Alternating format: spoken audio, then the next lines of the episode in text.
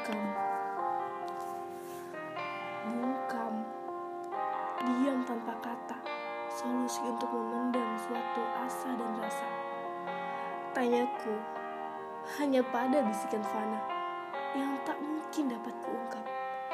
Bungkam tanpa arah Dan ucapan Adalah jalan yang sering aku lalui Hingga saat ini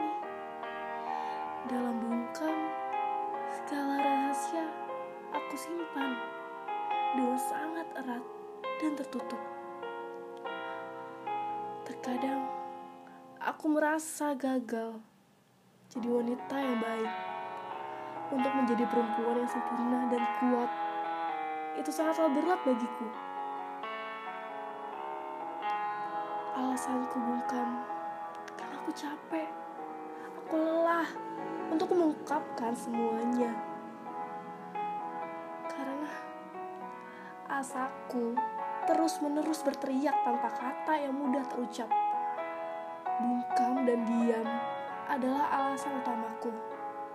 Aku dan bungkam menjadi satu dalam masa.